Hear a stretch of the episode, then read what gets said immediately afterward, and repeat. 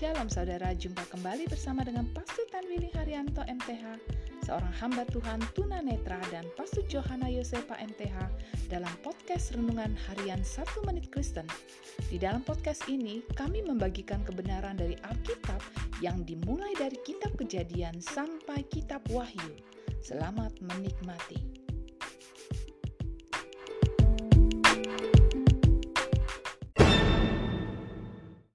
Shalom saudara yang berharga di mata Tuhan, senang dapat jumpa dengan saudara. Hari ini firman Allah mengingatkan kita untuk datang kepada Allah dengan rendah hati untuk diampuni Allah.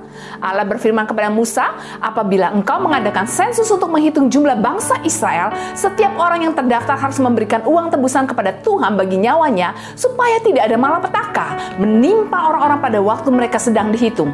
Uang tebusan ini seperti sensus pajak, meneruskan sebuah prinsip bahwa semua orang milik Allah dan kemudian perlu ditebus oleh sebuah korban.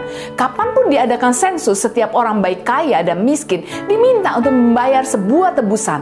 Allah tidak melakukan perbedaan pada setiap orang.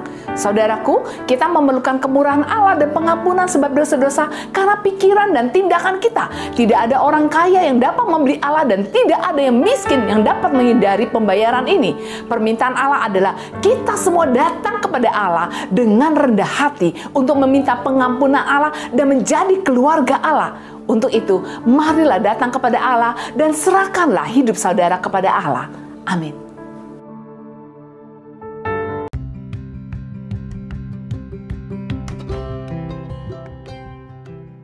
Terima kasih saudara telah mengikuti podcast Renungan Harian 1 Menit Kristen.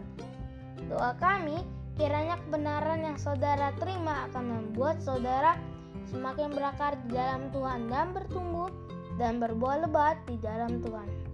Tuhan Yesus memberkati.